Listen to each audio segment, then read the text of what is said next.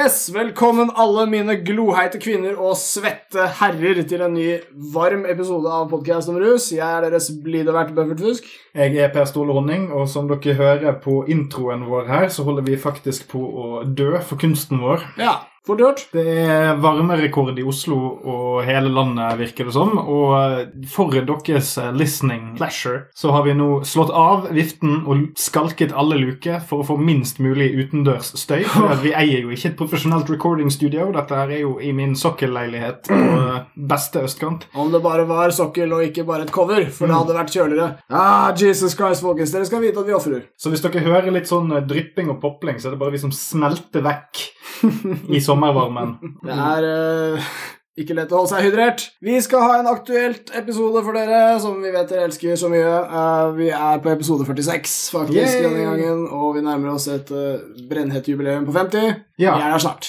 Ja, vi er der ganske snart. Kanskje etter sommeren en gang. Det spørs hvor lenge sommeren varer, rett og slett. For det ser ut som den startet ganske tidlig. Se om vi overlever. Men eh, aktuelt episodene står jo stort sett for seg brennheite ting i vår verden. Vi får dem jo kanskje ikke ut eh, på ett sekund heller, men Som regel kommer det ut ganske fort etter at vi i hvert fall har bestemt oss for at det er en nyhetssak. ja, for ikke-kommersielle aktører skal jeg si det går eh, dritfort. Men vi har dette som skjedde i dag. Poff, bam, kom det en nyhet rett i fleisen fra Aktis-leiren. Ah, Noe vi alltid setter pris på.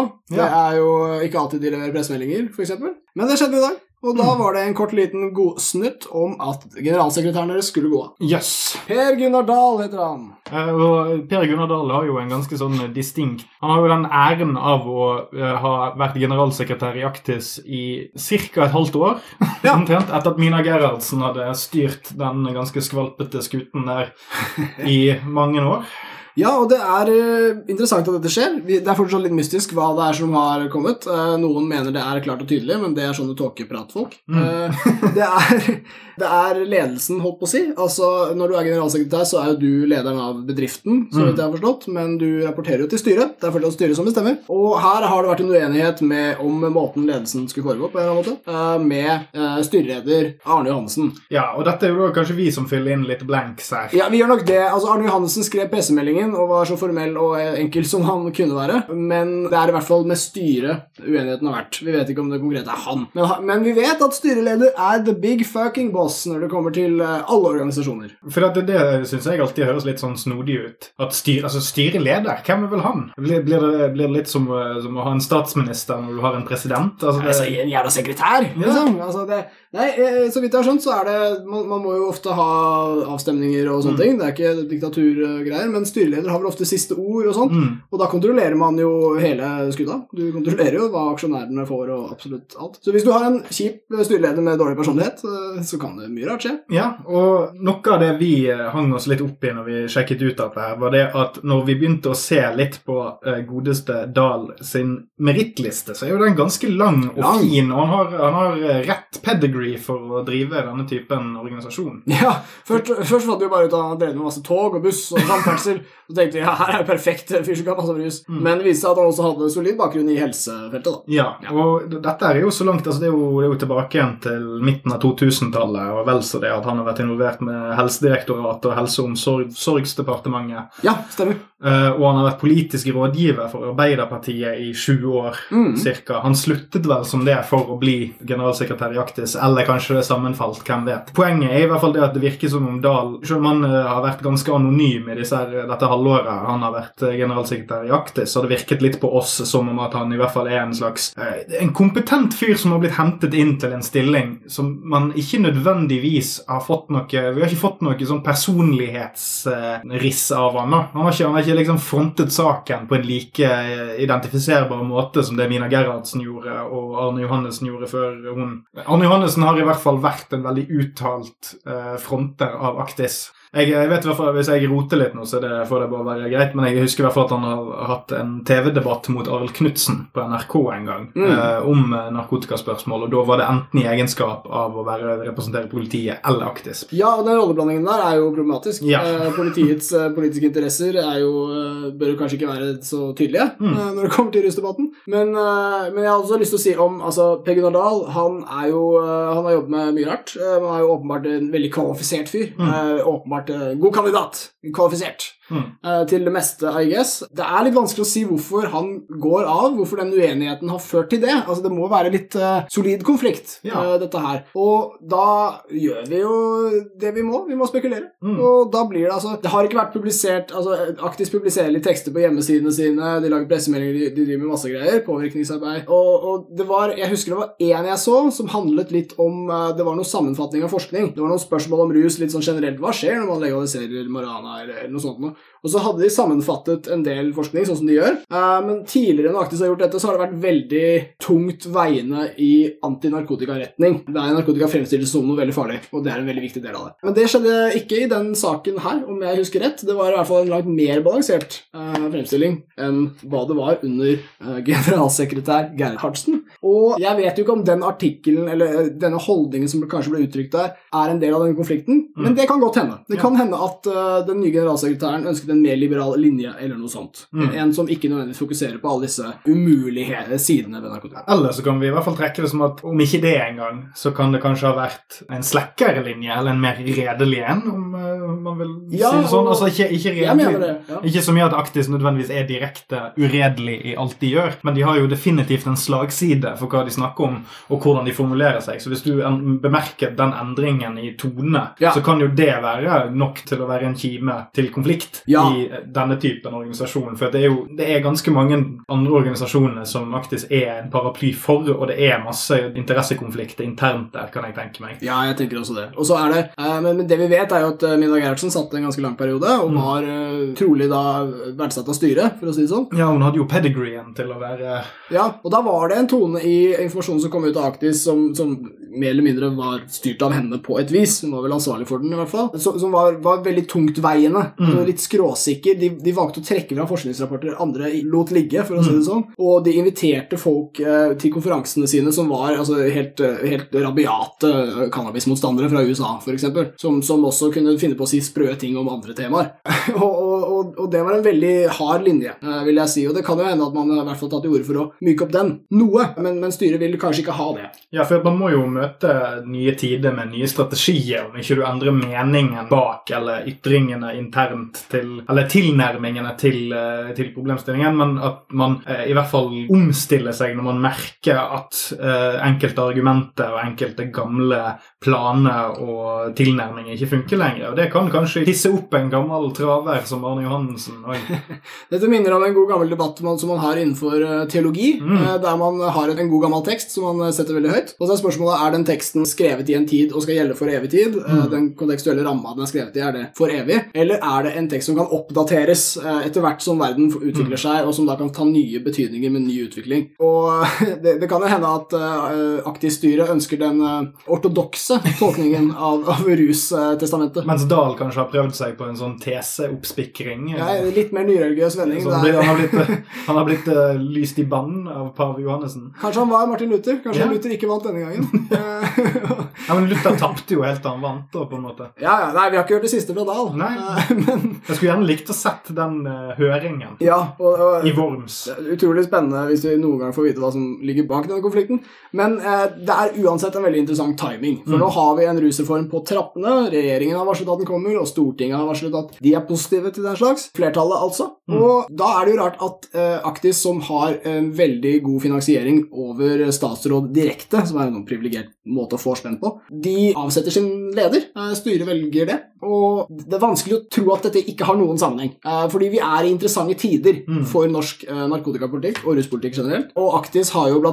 ønsket et veldig brått skille mellom alkohol og narkotika. De har mye bra på alkohol også, men de har jobbet for å bevare skillet. Mm. Jeg er enig med Aktis faktisk på veldig mange punkter på alkohol. Mm. De har noen gode poenger om taxfree-ordningen. De har noen jævlig bra poenger om forbruk og barn og familie. Altså, det er ikke dumt, altså. Men på narko er de crazy. Og eh, ja, jeg vet ikke. Det, mulig kanskje- styret liker den linja. Ja, for De er kanskje inne i en brytningstid der de kanskje burde ta noen interne debatter om hva veien videre skal være, eller Mm. bør være. Altså, Bør vi være en, en måteholdsorganisasjon som de påstår at de er, Mm. eller skal man være en anti... En mer en avholdsorganisasjon. ja, ja, sant. Mm. Hvis de går for måteholdslinjen, så kan de overleve en, en legaliseringsprosess og en legaliseringsdebatt. Men hvis de fortsetter på den, den veien de var på før Gerhardsen uh, trakk seg seg tilbake, så Ja. kommer de til å bli eh, stemplet som eh, døende dinosaurer med en gang det er snakk om et, et vedtak om Mm. uh, avkriminalisering av uh, brukere, f.eks.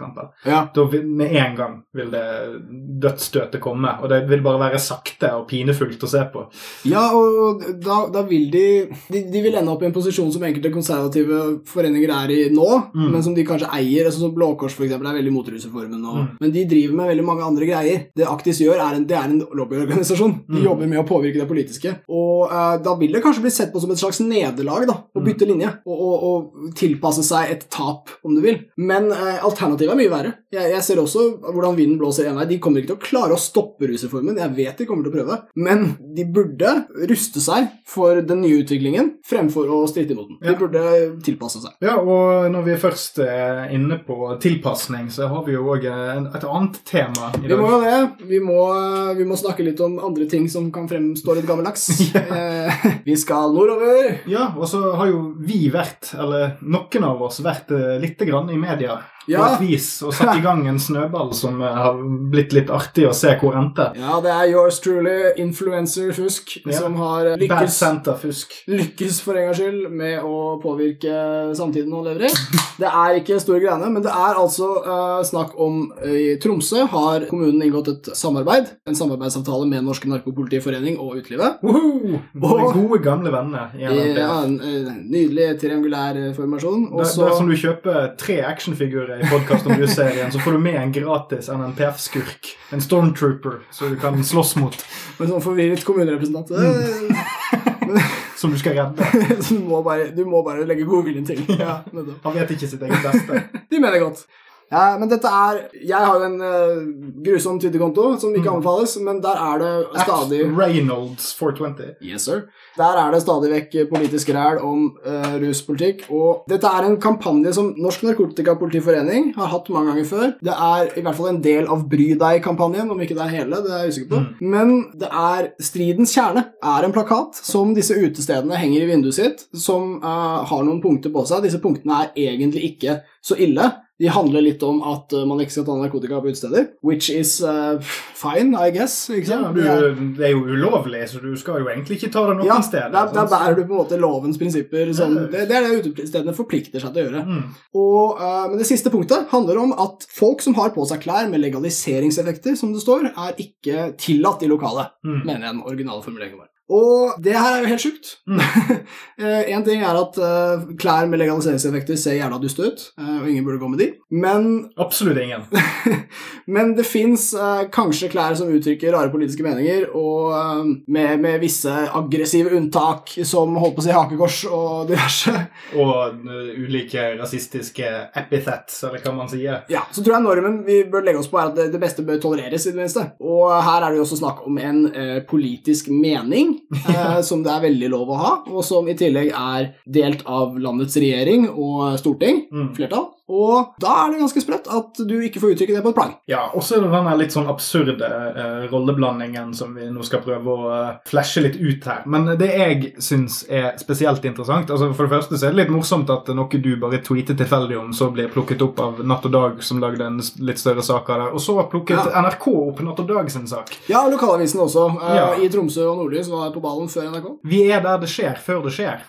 Ja, jeg, jeg, bare for å ta det, det, det fikk jeg da tilsendt et bilde av en sånn plakat. Nå har det kommet til Tromsø, typ. Og så tittet jeg det, og så var det da en lokalrepresentant fra kommunestyret i Tromsø som heter Bendik Woie, shout-out, eh, fra partiet Rødt. Han sa veldig proft at han personlig ikke hadde noe sans for det der, og ville ta en prat med ordføreren. Yay! Og det liker vi å høre. Det er sånn Det er, så, det er så kjekt med sånn lav terskel for å snakke med ordføreren. Sånn skal det være, Jeg altså. ser for meg at Tromsø er et sånt sted der du snakker litt med ordføreren dersom noen har klippet gresset på en søndag. For For, der må ordføreren være folkets mann. Det må han bare være. Eller hun, Ja. for all del. For all del. Det som òg videre er litt interessant her, er jo at dette er en litt sånn rural problemstilling. For jeg tror ikke du hadde sluppet unna uten bråk hvis du hadde prøvd deg på en sånn i Oslo nå. Ja, det kan du si. Det er, altså, det er flere byer som har dette her. Dette er et veldig viktig poeng. Altså, Tromsø fortjener mest mulig skryt, egentlig, fordi de faktisk tok litt tak i det. Det er Mm. mange byer som har det her etablert, og som ser ut til å forsvare det, i hvert fall med stillheten sin. Ja.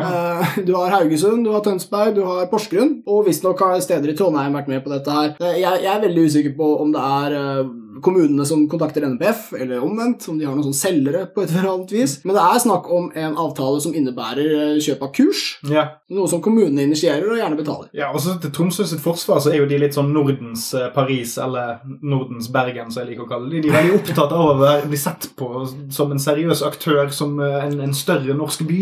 Ja, Så de, de liker jo å ta debatten og mene ting til hverandre om hvordan denne byen skal være. og sånne ting. Så det er veldig kult at de var villige til å liksom røffe det litt opp. Egon Holstad var ute og skrev en, eh, ja. en opinion piece som var ganske bra. Mm. Eh, og igjen, da. Jeg ser litt for meg at dette er en, en sammenfall av litt forskjellige ting som skjer. For På den ene siden så har du flatfyll i Tromsø, som Ja. jeg regner med de har i stort sett alle byer og kommuner her til lands. Så har vi problemet med fyll og fanteri i utelivsbransjen.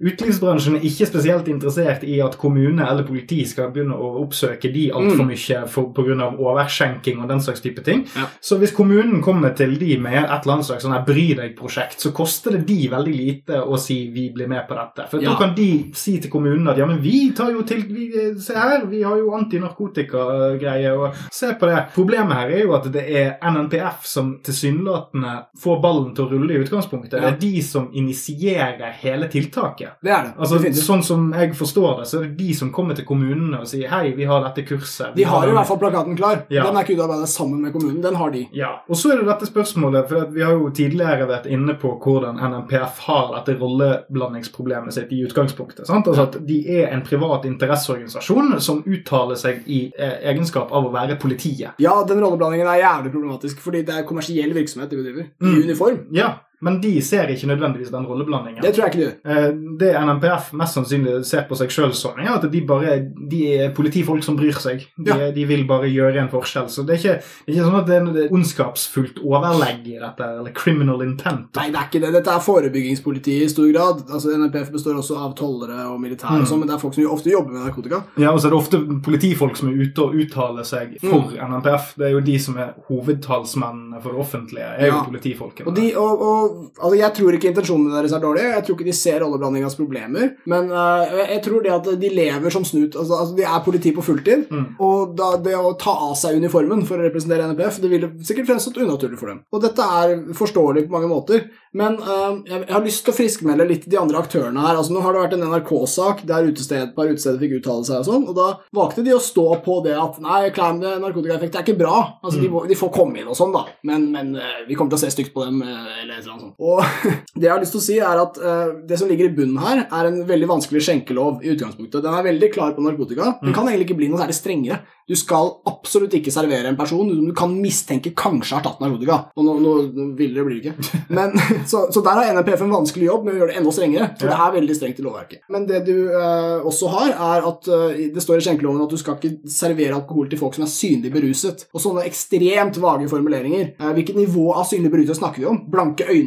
Ingen kommer seg lenger enn brisen. Er det sånn på byen? Selvfølgelig er det ikke sånn. Det er helt fucka kaos. Så utestedene de eh, kommer sikkert også fra et godt uh, businesssted. De vil bare drive stedet sitt. Men det de gjør, er at de er alkoholselgere. Mm. Uh, så de er trolig ikke hypp på å snakke så mye om narkotika i det hele tatt. De er hypp på å ignorere at narkotika fins, og gjøre jobben sin, se an formen til folk før de serverer dem, og så, og så kjøre på. Men det kommunen ønsker Kommunen desper etter samarbeid med utelivet. Mm. Og det er crazy tilstander på byen. Masse, masse alkoholskader i mange former. Og, uh, men kommunen vil da trolig ofte ha uh, fokus på alkohol i sine kampanjer, men det vil ikke utelivet ha. For Mm. de har, det vil bremse livsgrunnlaget deres. Det er ikke så rart. Det er det de gjør. Right. De selger alkohol for å få ting til å gå rundt.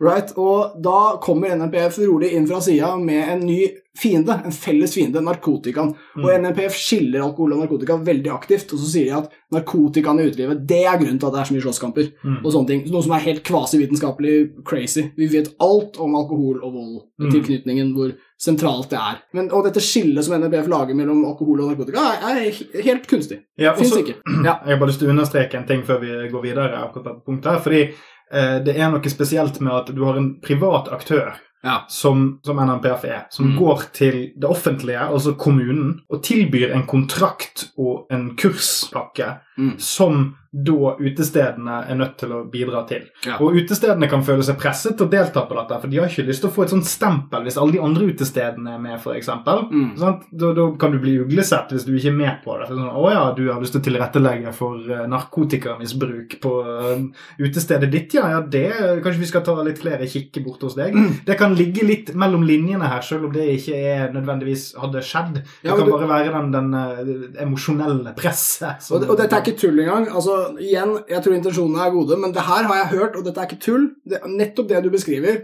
har skjedd. Altså, Mm. Når de var i Tromsø, så kjenner jeg noen som var der, og da har det vært at uh, NNPF dro en eller annen vits, altså politirepresentantene dette tilfellet, dro en eller annen vits om at de utestedene som ikke blir med på denne avtalen, bør kanskje sjekkes litt nøyere. Ha-ha-ha. Uh, og, og den type jokes er ikke særlig cool, for det lukter mafia så lang vei. For det er altfor mange Fint utested du har der. Hadde vært synd om noen skulle sjekket den.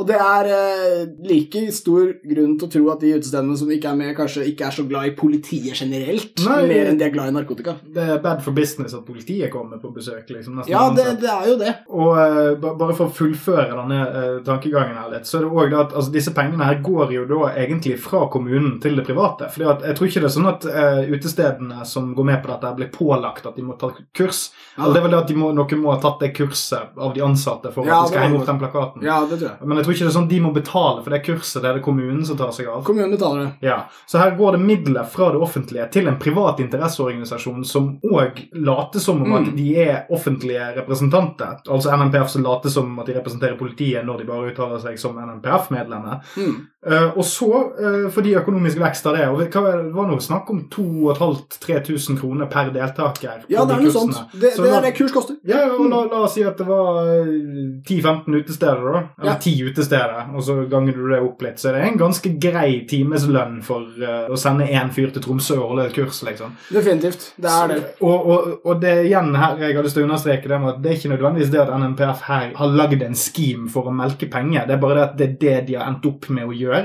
De melker penger ut av imaget sitt. Ja, og det er kommersiell virksomhet. De Mm. ender i private hender. Og det er ekstra ille når altså, Det var f.eks. en ganske fin i Tromsø-artikkel uh, i forkant av dette, hvor det var presentert positivt. Hvor det var snakk om da altså ta tak mot narkotika i utelivet. Sånt. Og da sto det også hvor pengene kom fra. Mm. Eh, da sto det Det er Korus, altså Kompetansesenter for rus, som har finansiert dette her. I, det er sånn regionale sentre, så det var Nord-Norge-filialen, I guess. Og um, de hadde fått penger av Helsedirektoratet på dette, så, så det, igjen eh, skattepenger. Offentlige penger. Eh, men i den artikkelen så sto det også at eh, har kjøpt kurs av politiet. Altså, liksom, eh, NPF-representanten sto der i i sivil, Mm. men hadde et uh, politiaktig ytre. Mm. Uh, og så var det... De har som regel det. De er jo dyrket frem i et laboratorium. eh, Sivil er evig vanskelig.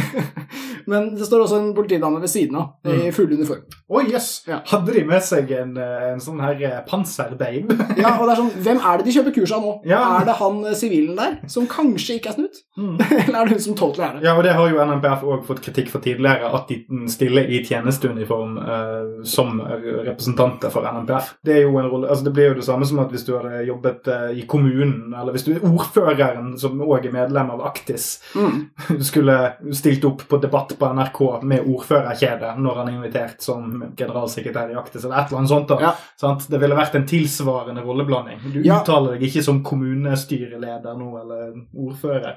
Og, og det, det de fucker opp med rolleblanding, er egentlig ganske små ting. Og jeg er sikker på at etter hvert som den kritikken begynner å feste seg, så kommer de til å skjerpe seg på sånne ting. Uh, men men det, er- det er snakk om altså, For eksempel uh, NMPF-mails blir sendt med, fra atpoliti.no. Ja. Representantene bruker sin politimail for å gjøre NMPF-business. Og da fremstår det igjen som NMPF-politiet er det samme, når det absolutt ikke er. Og dette er en lett glipp. Altså, jeg brukte feil mail når jeg sendte noe til deg, liksom. Det, det ja, igjen veldig tilgivelig. du tenker at det er praktisk. Ja, sant? Eh, Veldig tilgivelig fra den eh, forståelige, godhjertede politiaktivist-siden, trolig. Eh, men, men fra den andre siden, hvis vi skal dra det grusomt langt, så er jo det her Altså, politiet har makt. Mm. De tjener penger på å reise rundt og påvirke noe som medfører diskriminering av lokale, sårbare mennesker. Og så sitter de igjen med masse spenn fra folk som tror de har gitt dem til det offentlige på et eller annet vis, til politiet, når de egentlig er en, en eller annen fyr privat som folk. Ja, og, og la oss bare understreke en gang for alle det vi sa litt tidligere i denne episoden, at folk som går med 'legalize it'-T-skjorte og sånn, det er jo nerder. Ja, Og det er, det er ikke de store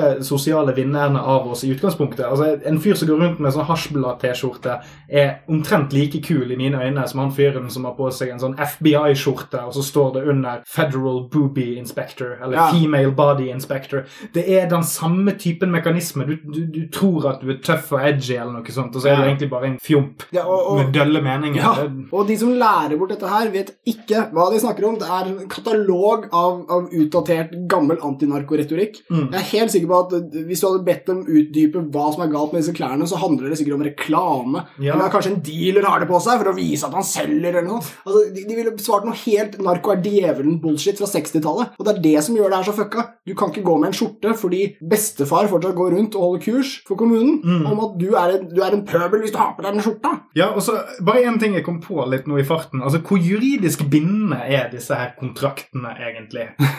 Altså, hva, hva Skulle du bli holdt ansvarlig på noe vis hvis du lot folk med et hasjbladkjede sitte og drikke? Det er det hvis du tar ned plakaten, tror jeg. Ja, ja, ja, sant? Altså, du har bare lagd Det er ikke et reelt scenario oppi dette her heller. Du har bare, det, det er en gjeng med voksne folk som bruker offentlige midler på å, å henge opp et laminert A4-ark Ja, i et lokale for å angivelig være en sånn her kardemommelov som gjør ja, nå skal alle være snille inni dette lokalet her, Ja, ja. ellers, ellers er du teit. What the fuck? Og Og, og igjen, jeg må bare, min store punchline i det hele Altså, Det er fire punkter, om jeg husker rett. whatever. Det viktigste er at det nederste punktet er dette med bekledning. Mm. Og det punktet skiller seg så jævlig ut, og det er så teit, og det er rent symbolsk. Mm. Så hvorfor fjerner de det ikke bare? Hvorfor i helvete står det her? Vi skriker det saker i alle aviser alt mulig. Hva skjer med å innrømme en liten feil eller noe? Ja. Hvordan, hvordan kom det her gjennom sensuren? Hvordan, hvilken prosess godkjente dere dette punktet? Ta det bort, ta selvkritikk og fortsett. Men nei da, nei, nei, vi skal fortsette. Ikke noe Bob Marley-skjorte i 2018, liksom.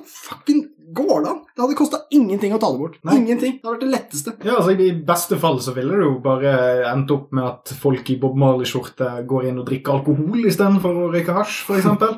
Det er utseendet fornøyd med. Ja.